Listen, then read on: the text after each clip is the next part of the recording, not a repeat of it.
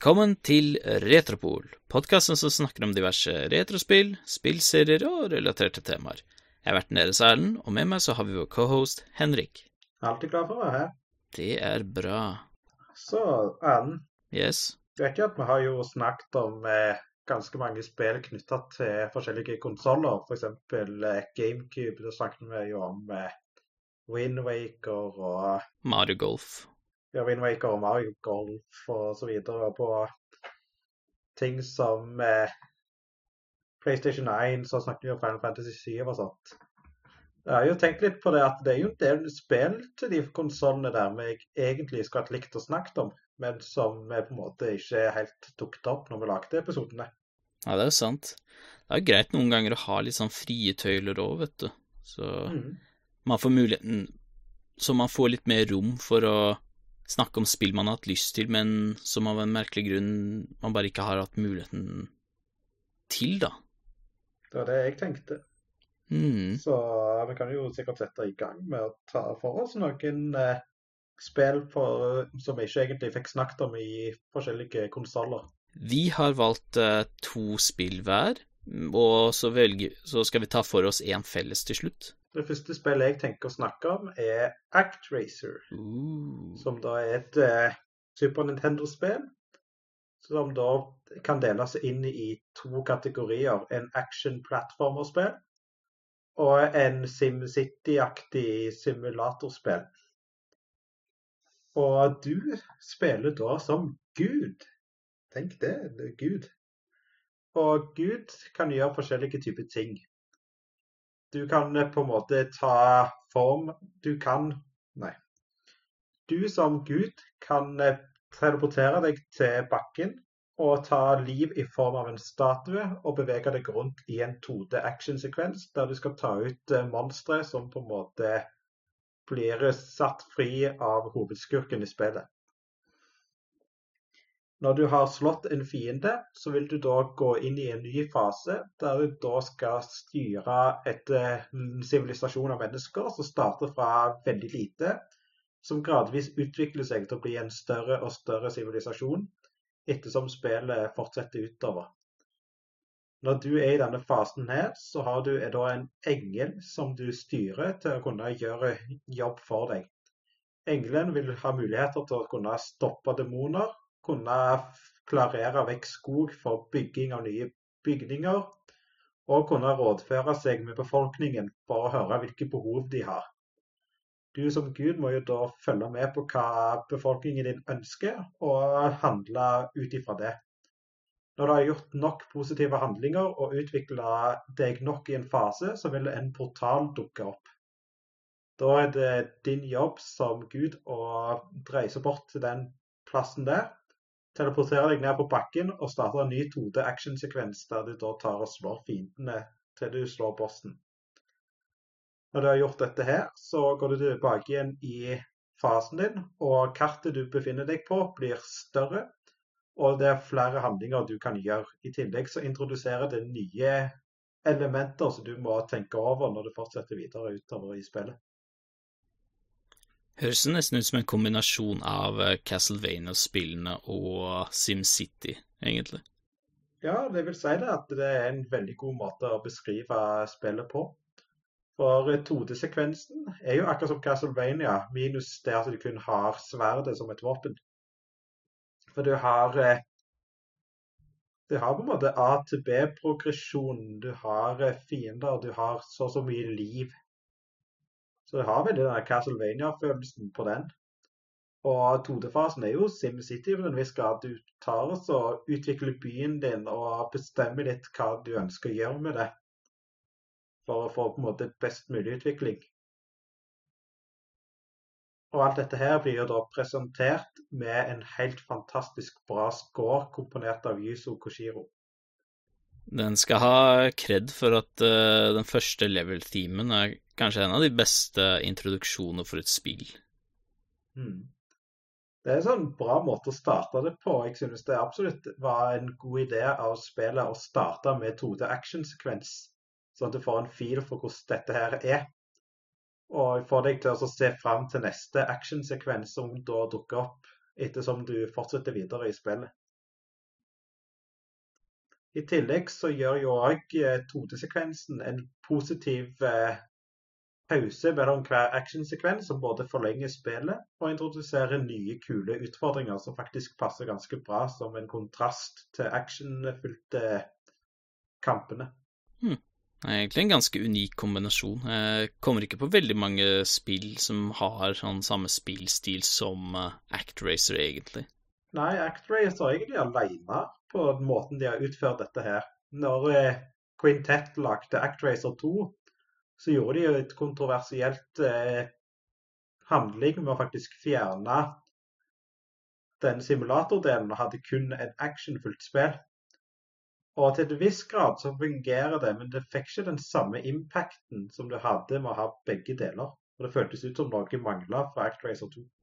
Hmm. Kanskje den var uh, for ti Kanskje det var litt for kreativ for sin tid? Nei, det er vel heller det der at du fjerna et eh, element som mange likte, og bare utvikla den ene delen i stedet for å utvikle begge to. Og Det er litt sånn skuffende, for begge delene var såpass gode og bra implementert at når du fjerner den ene delen, så gjorde jo den andre delen svakere. Så det er absolutt et spill jeg vil eh, anbefale folk å teste ut. Mm. Det første spillet jeg har valgt å ta for meg, det er et spill på Gameboy Advance kalt Mario Tennis Power Tour, eller Mario Power Tennis. Og spillet er jo todelt. Du har jo vanlig tennis i, på single slash multiplayer, hvor du velger hvor langt spillet skal vare, velger en karakter du skal spille som, og så er det egentlig bare å velge en bane du vil spille på, og sette i gang med vanlig tennis. Men eh, det har jo elementer av Mario som gjør det gøyere, da, enn ordinær tennis. For du har jo da, mens du spiller, så har du da to spesialiteter som du får etter når du slår ballen fram og tilbake nok ganger. Den ene er at du har en spesialitet for hvis du er for langt unna ballen, så kan du fortere nå den hvis du bruker spesialknappen. Det andre er at hvis du eh, står rett foran ballen og bruker spesialslaget ditt, da kan du gjøre sånn at det blir mye vanskelig for motstanderen da, å få tak i den ballen. For eksempel hvis du spiller som Valuigi, så slår du et tornadoslag som gjør at det blir Det er ikke så lett å treffe den ballen. Men så har du den unike delen, for den for, slik som med forgjengeren på Gameboy Color, så er det sånn at Singleplayer har en story mode, hvor du velger en uh, karakter, enten gutt eller jente, og, du, og det starter med at du bygger deg fra bunn til topp, før du endelig kan få muligheten til å spille mot uh, Før du endelig får muligheten til å delta i Mario-turneringen, hvor du slåss mot uh, Mario-karakterer. Og jeg synes det er en ganske sånn bra vri, faktisk. For uh, når du spiller spill på Gameboy Advance, så er det jo ikke garantert at du har en link-kabel. Og i sånne typer spill så vil du òg i mange tilfeller kreve to Gameboy Advance for å hele tatt spille. Og det å ha da en story mode er jo en fin måte å introdusere content som kan fungere når du kun har ett system. Så absolutt. Det hjelper jo det at historien er jo ganske alminnelig og egentlig ganske bra for eh, det spillet det er. Og soundtracket for eh, spillet er jo en av de koseligste Mario-spill eh, En av de koseligste soundtrackene jeg har hørt i Mario-spill. Og i spillet, når du spiller multiplayer, så kan du spille som uh, karakterer fra story-moden, men du har jo også seks Mario-karakterer. Mario, Peach, Luigi, Valuigi, Donkey Kong og Bowser. Overraskende nok så er dette her uh, en av få spill hvor verken Yoshi eller Vario er spillbar. Men eh, til gjengjeld så er jo Valuigi spillbar, og ja, folk som kjenner meg, så klager jo ikke jeg. Ja, men det var dumt. Skulle hatt Mario i stedet for. Og det Og spillet er jo ganske bra. Det har veldig tight controls. Det, det, er, det er veldig koselig å spille det og høre på soundtracket. Jeg tror det eneste som jeg biter meg merke i, det er jo at uh, det her er en av de spillene hvor hvis du skal spille multiplayer, så Det er jo greit hvis en annen har en egen Game Advance og Link-kabel, men uh, hvis man skal spille to stykker, så må den andre ha spillet også. For uh, hvis den ene har bare ett spill, så er det liksom Ja, synd, da får du ikke spille multiplayer. Trengte du to kassetter til det spillet der, ja? Det gjorde du. Ja, det er jo Det er alltid kjedelig med sånne type spill. Hadde det en kompis med på så kult, jeg kan faktisk prøve dette modusen her i spillet som jeg ikke har prøvd før, og så krever en ekstra Gameboy Advance-kassett på sånn. Åh. Ja, det er litt sånn kjedelig, men uh, jeg vil si at til gjengjeld så er jo det egentlig verdt det, fordi dette her er en av de sånn Det her er en av de spillene på Game Advance hvor hvis du har en Game Advance, og du er litt usikker på hvilke spill du bør prøve, så er dette her et spill verdt å plukke opp. Mm. Snakk om et spill som er verdt å plukke opp. Så er jo det et spill jeg tenker å snakke om, som jeg vil anbefale alle å testa ut. Og det er et spill som heter Shadow of the Colossus. Shadow of the Colossus er da et actionspill der hovedmålet i spillet er å ta ut svære kjemper som du da finner rundt omkring på en stort område. Du spiller da som The Wanderer, og du har da dratt til et område som heter The Forbidden Land, for å søke etter en mulighet for å gjenopplive din kjæreste, som da er død i starten av spillet. Du møter på en mystisk figur med navn Dormin, som eh, da gir deg en mulighet til å kunne gjenopplive kjæresten din. Men for å kunne gjøre dette her, så tar Dormin og tvinger deg til å drepe 16 kjemper for at du skal få ønsket ditt oppfylt var, han, Dormin sier jo det at eh, prisen kan være ganske stor, og nødvendigvis ikke det du ønsker. Men allikevel så godtar du Dormin sine premisser. Og du setter da i gang til å finne kjempene, som du da kan finne rundt omkring i Forbidden Land. Det som på en måte er litt kult med Forbidden Land, er det at det er ingen fiender, bortsett fra kjempene du finner. Så det gjør jo at eh, du på en måte bruker store deler av tiden din bare på å utforske verden, og bruke sverdet ditt som en laserpeker til å finne ut hvor kjempene befinner seg. Når du da møter på en kjempe, så har du som regel så må du finne ut hvor de har sine svakhetspunkter, som er markert med en blå symbol på kroppen deres. Du kommer deg bort der med å grabbe tak i kjempen, klatre bort til de områdene det er, og skade dem med et sverd som du holder. Når du har tatt nok skade på kjempene, så vil de falle om, og du har slått dem. Spillet skal ha for at det har uh, hatt en veldig stor impact på gamingkulturen. Du har jo folk som uh, når de møter på veldig store fiender i andre spill, så har de jo sagt at ah, akkurat som i Shadow Colossus, eller du slåss mot denne bossen Shadow Colossus-style, og da er det veldig mange som med en gang skjønner hva det er du prater om. Og det er jo ikke uten grunn, for eh, skaperne av dette spillet her fikk lov til å lage spillet akkurat som de sjøl ville. Og det på en måte legger du merke til for det er så ekstremt mye fokus på, på, på byggingen av verden. Og rett og slett bare lage en engasjerende historie som du vil fullføre fra start til slutt. Ikke nok med det, det er en ekstremt sånn eh, engasjerende følelse å kunne gå som en liten person og bekjempe de svære kjempene du møter på spillet. Og mange av de har jo som en motsatt dungeon med at eh, du må finne ut hvordan du skal nå svakhetspunktene deres. For det er ikke åpenbart hvor det er svakhetspunktene er, og det er ikke helt åpenbart hvordan du skal klare å komme deg bort til svakhetspunktene. For hver enkelt kjempe er unikt og har sine egne gimmicks som du må ta og overkomme. Dette gjør jo at du hele veien må på en måte finne ut eh, Det gjør jo at spillet krever at du tenker deg fram til løsningen på puslespillet. Og det er ekstremt belønnende å endelig finne ut hva det er du må gjøre for å slå kjempene. Det er liksom et spill som er unikt på mange måter. Mm. Og jeg må jo si det at uh, dette spillet her har min favorittmusikk uh, av alle spill som har blitt utgitt på PlayStation 2. Å oh, ja, såpass? Yes.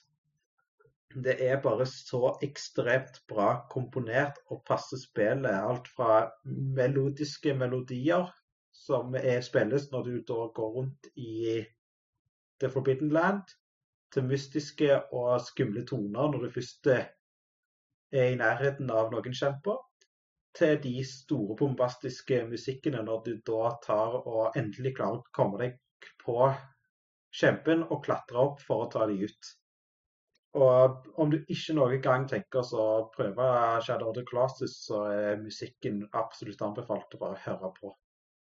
Jeg vil si at eh, dette spillet her er en av de aller beste spillene lagt til tidene.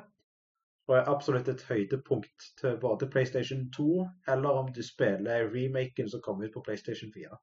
Kult. Det neste spillet jeg skal snakke om, det er eh, slik som en Mario Tennis Power Tour, også et sportsspill jeg vokste opp med. Og det er et som kom ut på både PlayStation 1 og Nintendo 64. NBA Live 99. Og bare jeg nevner Space Jam, så tror jeg dere fort kan skjønne hvorfor eh, vi hadde akkurat dette spillet. Ja, det er jo mange som både var interessert i basketball pga. den filmen der, og du fikk veldig lyst til å faktisk prøve ut eh, en del sånne sporter. Og så det med sånne type sporter som òg f.eks. skateboard, så hadde jo du lyst til å spille Tony Hawk Pro Skater i stedet for faktisk å gå ut på skateboard. Ikke sant.